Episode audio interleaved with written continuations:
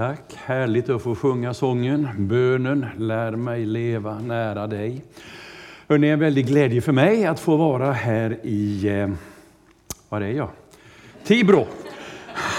Ja, det, det, jag visste det, det bara föll ifrån huvudet där. Ja. Eh, det var ju faktiskt två år som jag var vakanspastor här och eh, lärde känna församlingen och trivdes fantastiskt bra i den här gemenskapen och känner stor vänskap med er. Det känns väldigt roligt att få komma tillbaka så här och se er. Mycket hälsningar från min hustru. Hon hade gärna åkt med, men eh, sanningen är väl att hon orkade inte riktigt. Hon var uppe i Motala. Min mellandotter i Motala har numera tre barn under tre års ålder. Det kan ni begripa att det behövs en mormor och morfar som är ganska aktiva. Ja, så är det. Eh, annars, om man ska ta det här personligt, så är det gott att se er här, ni som sitter hemma vid, eh, vid eh, tv kanske, eller vid datorn och tittar. Så, ja, jag vinkar till er så kan ni vinka till mig, så ser jag det på skärmen. där. Ja, kanske. Eh, jag lever och mår bra. Jag har fortsatt att tjäna som pastor uppe i Karlsborg. Jag är där fortfarande. Jag har blivit över två år nu som vakanspastor där. Det ska väl ta slut, men eh, vi får se hur framtiden blir. 70 har jag fyllt. Sune han trodde inte på det. Nej, och det var jag glad för. Eh, men eh, så är det. Men åren betyder ju inte så mycket så länge man får ha hälsan och krafterna och känner att energin finns där. Och det tycker jag att jag känner fortfarande. Så det, det känns gott på det sättet. Hörrni, idag så är det den heliga Mikaels dag i kyrkoåret. Så egentligen skulle man predikat om änglar. Men jag upptäckte inte det förrän häromdagen och då ville jag inte byta på något sätt. Jag är lite beroende av att det jag ska säga kommer. Ja, det måste födas fram inifrån också. Bengt han sa till mig att vi håller på med gamla testamentliga gestalter här under hösten. Så han tyckte väl att jag kunde ta någon gammaltestamentlig gestalt. Mm, jag tänkte på några stycken, men nej, det tände inte heller riktigt. Men jag plockade in en utav dem på slutet i den här predikan, eller sista halvan. Mm. I övrigt så ska jag läsa text ifrån eh, Nya Testamentet. Nu har jag inte den på väggen, den kommer inte på skärmen. Så om du vill så går det alldeles utmärkt att nu blunda och använda sin fantasi och måla i sin inre värld. Hur såg det här ut? Vad hände? De här liknelserna jag läser, jag tar oss tid att läsa ett stycke. Det är bra använd tid att läsa Guds ord och lyssna. Du får gärna blunda så slipper du se mig också, så kan du måla Jesus för din inre bild. Det är fint.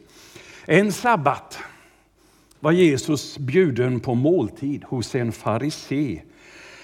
En farisé som var med i rådet. Det var inte illa, en riksdagsman. Man iakttog honom noga. Då stod det framför honom en man som led av vatten i kroppen.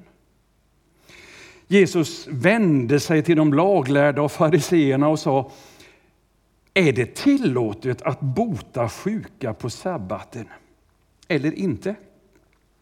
Men de teg. Då rörde han vid mannen och gjorde honom frisk och lät honom gå. Och han sa till dem, om någon av er har en son eller en oxe som faller ner i en brunn och drar han då inte genast upp dem, även om det är sabbat? Det kunde de inte svara på. När Jesus märkte hur gästerna försökte få de främsta platserna vid bordet gav han dem en liknelse. När du är bjuden på bröllop, slå dig då inte ner överst vid bordet. Kanske någon av de andra gästerna är mer ansedd än du och värden kommer och säger Ge honom din plats, då får du skämmas när du måste flytta dig längst ner. Nej, när du är bjuden, gå genast och ta den nedersta platsen så att värden säger till dig när han kommer Käre vän, flytta dig längre upp. Då blir du hedrad inför alla dina medgäster. För den som upphöjer sig ska bli förödmjukad. Men den som ödmjukar sig ska bli upphöjd. Och till sin värd sa han, när du bjuder på middag eller någon annan måltid, bjud inte bara dina vänner bröder, släktingar, rika grannar. Så att de bjuder tillbaka och så blir det din belöning. Nej, när du ska ha en fest, bjud fattiga och krymplingar, lytta och blinda. Salig är du då, eftersom du inte kan ge no de inte kan ge någon belöning. Belöningen får du vid de rättfärdigas uppståndelse. En av gästerna som hörde detta, han sa till honom, salig är den som får vara med om måltiden i Guds rike. Jesus svarade, en man skulle ha en fest och bjöd många gäster. När festen skulle börja skickade han sin tjänare att säga till de inbjudna, välkommen, allt är färdigt. Men alla hade någon ursäkt att komma med. En lät hälsa, jag har köpt en åker, jag är tvungen att gå och se på den. Förlåt att jag inte kan komma. En annan sa, jag har köpt fem par oxar, jag måste ut och se vad de går för. Förlåt, jag kan inte komma. En tredje sa, jag har just gift mig, jag kan absolut inte komma. När tjänaren kom tillbaka och berättade det här så greps hans herre av vrede och sa, gå genast ut på gator och gränder i staden, hämta hit alla fattiga och krymplingar, blinda och lytta. Och tjänaren sa, herre, jag har gjort som du befallde, här finns det ännu plats. Då sa mannen till sin tjänare, Gå ut på vägarna och stigarna, se till att folk kommer hit så att mitt hus blir fullt. Jag säger er, ingen av dem som var först blir bjudna ska få vara med vid min fest. Där slutar jag min läsning. Sen fortsätter Lukas, han har det är Lukas 14 jag har läst ifrån. Och han fortsätter sen med liknelser som understryker det här med allas välkomna till Guds rike. Om den förlorade fåret i kapitel 15 och om den förlorade penningen, förlorade sonen. Och flera liknelser. I kapitel 17 så tar de laglärde upp med honom intresset igen för Guds rike. När kommer Guds rike? Hur blir det? Och då säger Jesus, det är annorlunda med Guds rike. Ingen kan säga här är det eller där är det. Nej, Guds rike är inom er. Då är kapitel 17. Och så berättar han om tidernas avslutning och Guds rike. Och då säger han på det här sättet. Kom ihåg Lots hustru. Och där har du min gammaltestamentliga gestalt. Lots hustru. Har ni tänkt på det att Jesus faktiskt säger att vi ska komma ihåg henne? När tänkte du senast på Lots hustru? Nej, det var inte, så, inte alldeles nyligen. Nej. nej, någonting ska jag säga om henne också. Alltså den här, den här berättelsen, och den ska jag väl inte fastna i, den är ju intressant. Han är bjuden, jag undrar i vilken egenskap, om det är att han är en kringvandrande rabbi i alla fall. Och han kanske hade en viss status, Jesus, fast vi inte vill tro det ibland. Men det är inte alltså det kringvandrande rabbiner som undervisade. Alla såg nog inte med förakt på honom. Men samtidigt så var det ju för att iaktta honom. Har ni varit på sådana fester där man iakttar? Där du känner dig som en utböling. Här passar inte jag in. De tittar på mig för att se om jag har fel skor, fel kläder, fel beteende. Det kryper lite i kroppen. va? Man vill tillbaka till sitt eget kompisgäng där man känner sig hemma. Ja, det kanske var lite grann så. Jesus var ju också en iakttagare för han iakttog hur människor betedde sig och hur människor gjorde.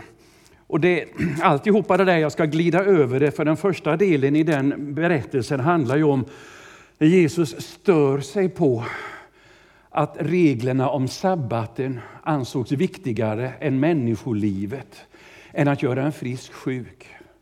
Och alla, alla de här reglerna, alltså etikettsregler och, och, och sådana här saker, det är jättebra grejer. De är inte till för att tvinga oss till någonting, de är till för att skapa en frihet. Man ska veta hur man ska uppträda, det är kanonbra. Man är tryggare om det finns lite regler man följer. Vi följer tusen regler varje dag, underförstått för oss, för vi kan dem så väl, så vi tänker inte på det.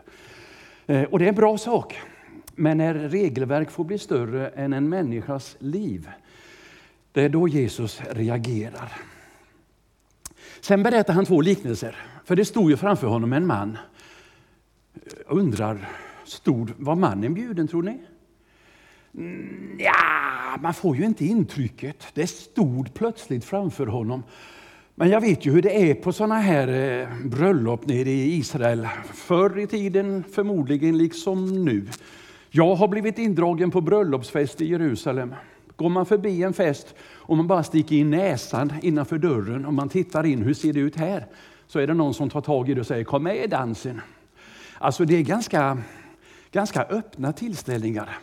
Även icke-bjudna får ofta dras in och vara med där. Och det kan ha varit en sån här människa på livets skuggsida som stod lite i dörren som blev stor plötsligt framför Jesus där. Och Jesus skulle hela honom. Det är då som han berättar den här första liknelsen. Eh, när han ser hur människor drar sig högre upp, vill ha de bästa platserna. Den och den vill jag gärna synas med. Allt det där som kvällstidningar och veckotidningar lever av fotograferas tillsammans med den och den viktiga personen.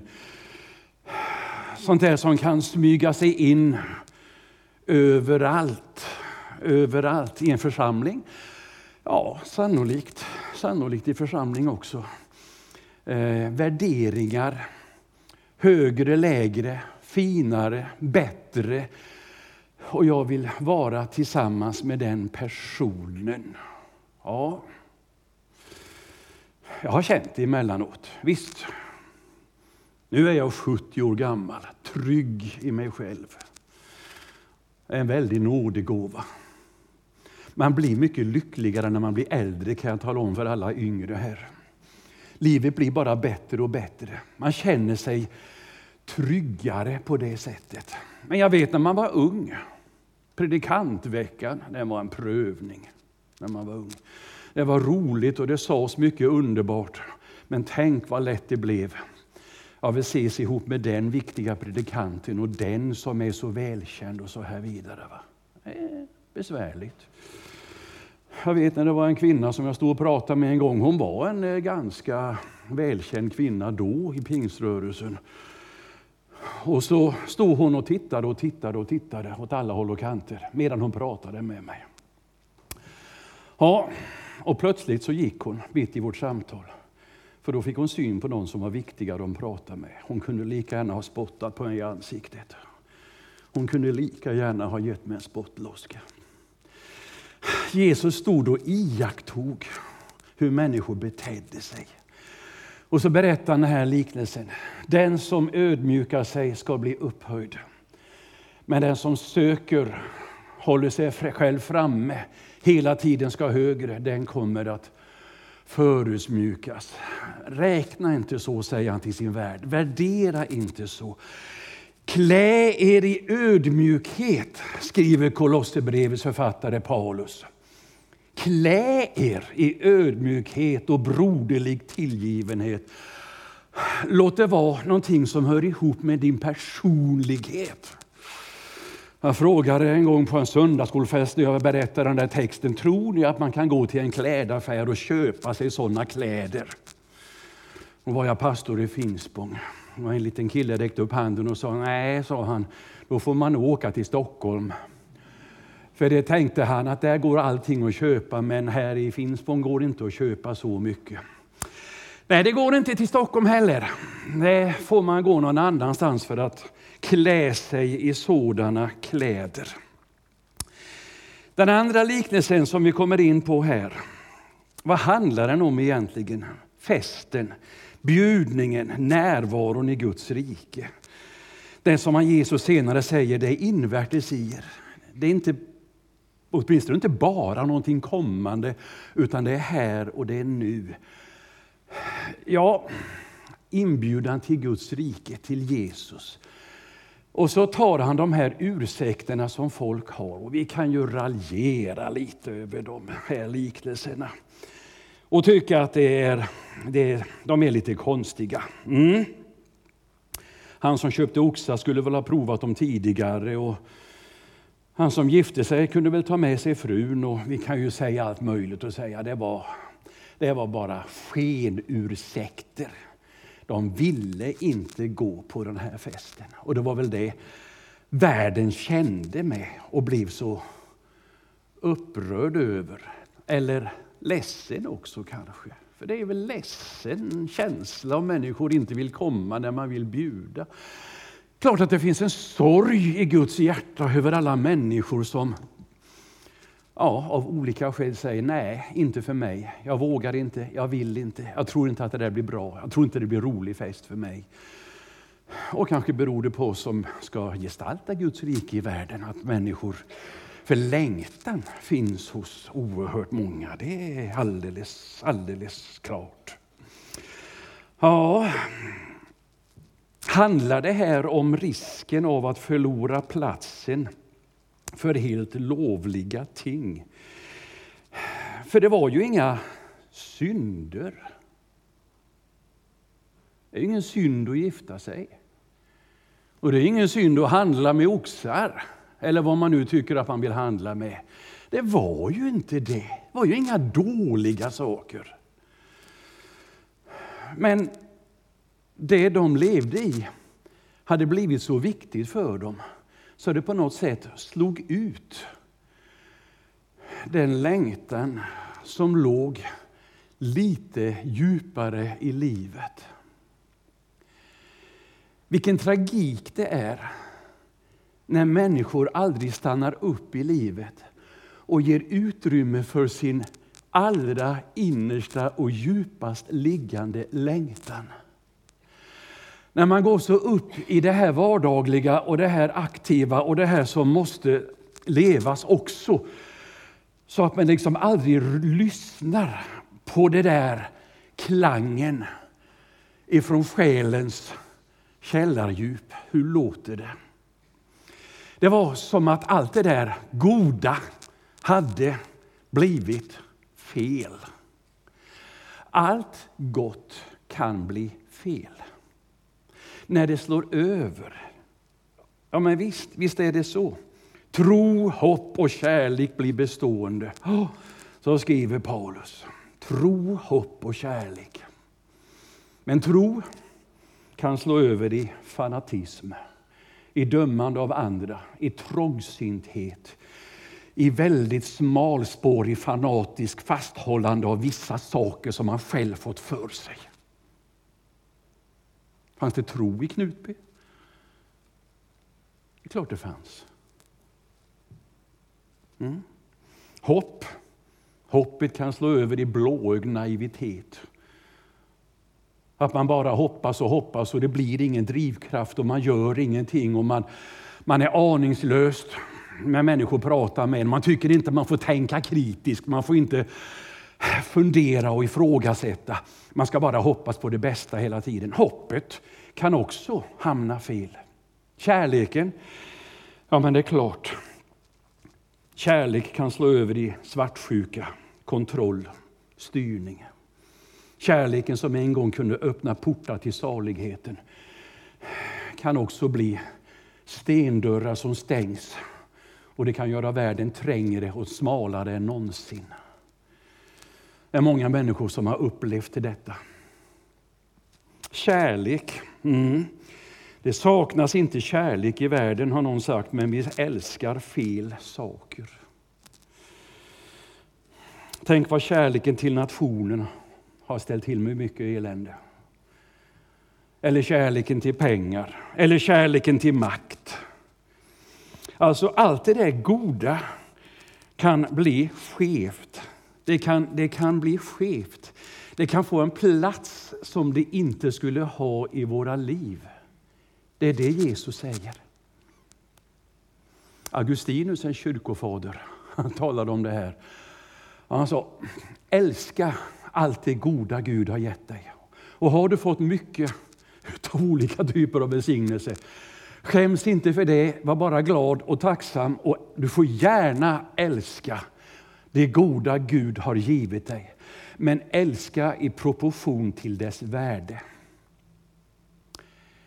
Låt det inte tappas, låt inte proportionerna försvinna. Hjälp vad djuplodande jag blev idag. Va? Men, oh, Ska jag börja om och ta det lite lättsammare? Nej, men det här fick jag på mitt hjärta, det här lever jag i. Älska i proportion till dess värde. Och tänk efter vad som är värt. Om jag lånar ut min bil till min dotter och hon skulle köra och krocka och avlida. Tror ni att jag skulle sörja min bil? Fin bil förstår du. 2018 års modell. Skulle jag ligga hemma och gråta över min bil? Skitsamma med bilen. Eller hur? För jag skulle sörja min dotter. För livet är mer värt än materien. Det där det är någonting som vi ska skriva in i våra själar, i våra hjärtan. Det där är någonting som behövs i en värld där vi har väldigt mycket och har rätt att vara glada och tacksamma över det. Men det är någonting som får prägla oss, att livet är mer värt. Guds riket är mer värt än det där att gå ut och pröva sina oxar eller sin nya racerbil eller vad det nu är man vill prova. Tänk efter vad du har dina värderingar i livet. Ja. Alltså det finns ett sug efter det goda, men allting kan gå fel. Är det här, tror ni, som Jobs hustru kommer in i bilden? Ja, kanske. Kanske det. Jobs hustru vet vi ju inte så där särskilt mycket om. Jesus säger kom ihåg Lots hustru. Lots ska säga inte Jobb. Lots hustru. Är det så? Det ligger väl lite varning i det här. Eh, väldigt många av er här har jag läst Bibeln. Lot och hans hustru de var kompisar till Abraham en gång i tiden i första Mosebok, i tidernas begynnelse. Eh, och Gud skulle förgöra Sodom och Gomorra, ett slags syndastraff över en ogudaktig bygd. Lot räddades av två änglar. Lots hustru vände sig om och blev förvandlad till en stenstol. Så är berättelsen i första Mosebok om Lot. Och så säger Jesus, kom ihåg Lots hustru. Alltså, vi vet inte mycket om henne. Vi vet lite mer om Lot. Lot han följde med Abraham. Det står så. Abraham var den som hörde Guds röst, kallelsen. Lot följde med honom. Lot drog nytta av Abraham. Lot välsignades. Och den välsignelse som vilade över Abraham följde också med Lot. Uh, Lot gick hela tiden där. Han såg Abraham bygga sina altaren och tillbe Gud. Men det står ingenstans att Lot själv byggde några egna altaren.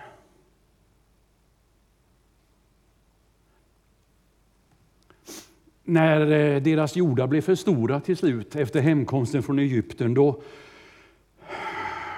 då eh, ska de skiljas åt. För det blir bråk mellan deras herdar. Och Abraham säger, gå vart du vill. Går du åt vänster går jag åt höger och vice versa. De stod vänster på västra sidan om Jordan, på en höjd. Lot tittade ut, han såg upp mot bergen. karga. Han tittade ner över Jordandalen, bördig och fin, Sodomslätten. Han sa, jag väljer slätten. Hans hustru kom därifrån också, hon var sodomit. Hon kände sig hemma där, kanske för den skull. Så han sa, jag väljer där. Okej, okay, säger Abraham, jag går upp på bergen. Och så skildes de åt. En gammal kyrkofader, Origene, som hanterat det här ämnet i en predikan, ja, i en text som finns kvar. Han säger när, när Lot valde det här så var det inte bara att han valde bort Abraham och bryta sin förbindelse med en andlig ledare, utan han valde bort Gud. Kanske inte Gud som faktor i livet, kanske inte att han inte trodde att Gud fanns, men han valde bort löftena som hängde över Abraham. Välsignelsen som fanns där uppe i bergen, som Gud hade sagt till Abraham. Han valde bort det på något sätt. Ja, kanske var det på det sättet. Han förnekade inte att Abraham var rättfärdig, eller att, att Lot var rättfärdig. Det var ju den här farisén också i Jesu liknelse här. Han skulle uppstå vid de rättfärdigas uppståndelse, säger Jesus. Och Lot var rättfärdig och vi läste i Bibeln att han led i sin rättfärdiga själ av all synd omkring sig. Men ändå valde han att bo där. Och fortfarande läser vi inte att han reser några altare där nere. En tvehågsenhet säger Origenes. När räddningen kommer försöker han få med sina svärsöner. Vad säger de då? De trodde att han skämtade. Du skojar! Du skojar Lot! Hade Lot spelat bort sin trovärdighet? Hade talet om Gud och Guds evighet och möjligheter och alltsammans, hade det förlorat sin trovärdighet för att han själv hade levt ett kompromissande liv?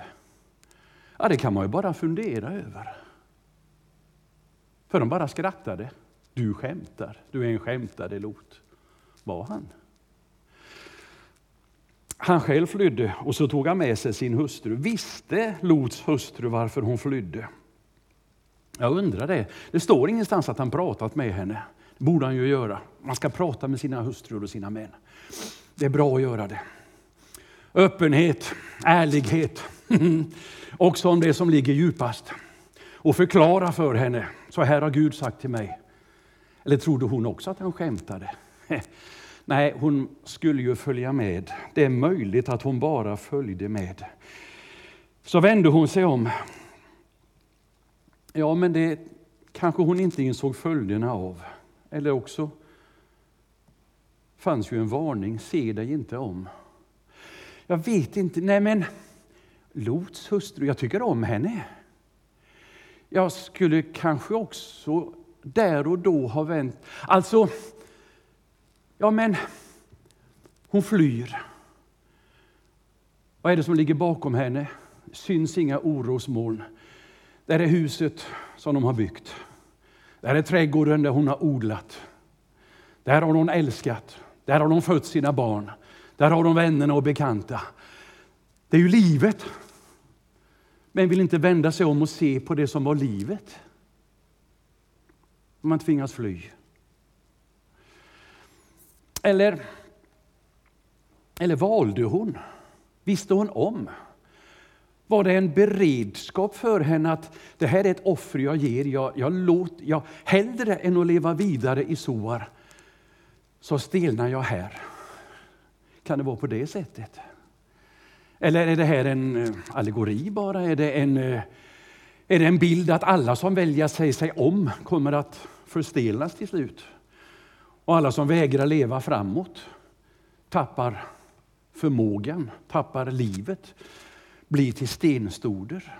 Ja, så kan man ju lägga ut det, så kan man ju tolka det. Ja, kanske övermannade hos de tjänsterna. Kanske valde hon, jag vet inte. I Jesu varning ligger absolut, i hans ord ligger absolut en varning. Kom ihåg henne. Jag läste en eh, biskop som skrev någon bok för lite sen här. En munk och han skriver att eh, i, det här berättelsen, i den här berättelsen att komma ihåg Lots hustru skriver han så här, citat. Att komma ihåg Lots hustru är att förbereda sig för ett avsked som kan bli mycket smärtsamt. Är det så här att det ska vara en förberedelse att ta avsked ifrån allt det man har älskat. För förr eller senare kommer den dagen för oss alla.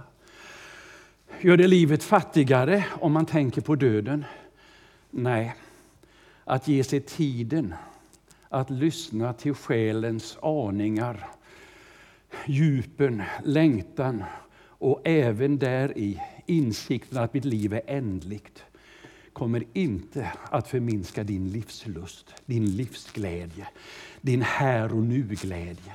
Det kommer att ge djup åt livet. Och det liv förytligas där man jagar efter nöjen och lycka och känslor så till den milda grad som man aldrig tänker på avskedets stund, som ändå måste komma.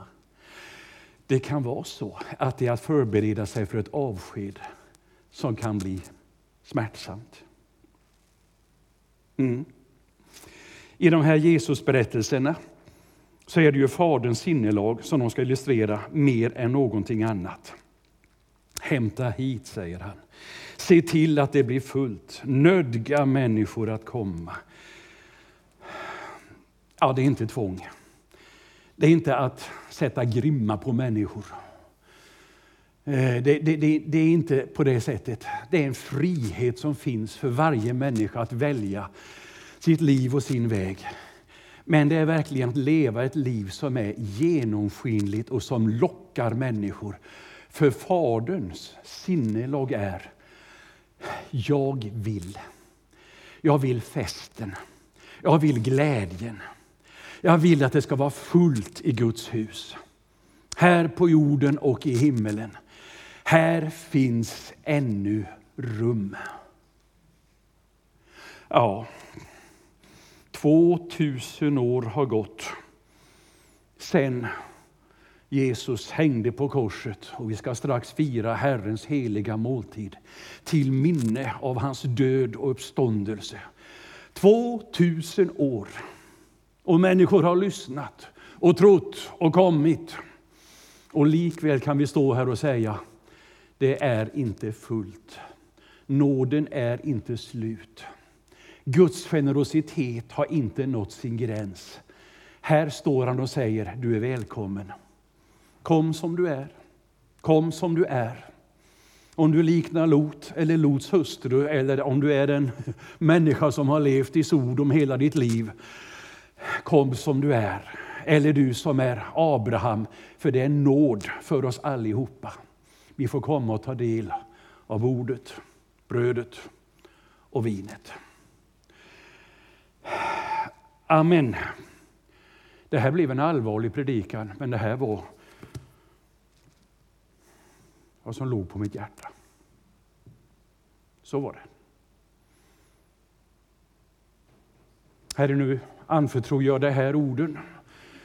Ditt ord och de tankar jag har fördelat kring de här texterna vi läst. Anförtro det åt mina vänner, lyssnare, att eh, överväga, fundera, smälta, äta. Herre, giv att det kan få bli till nytta för oss, till välsignelse, till vägledning i våra liv. Jag ber, jag ber i Jesu Kristi namn. Amen.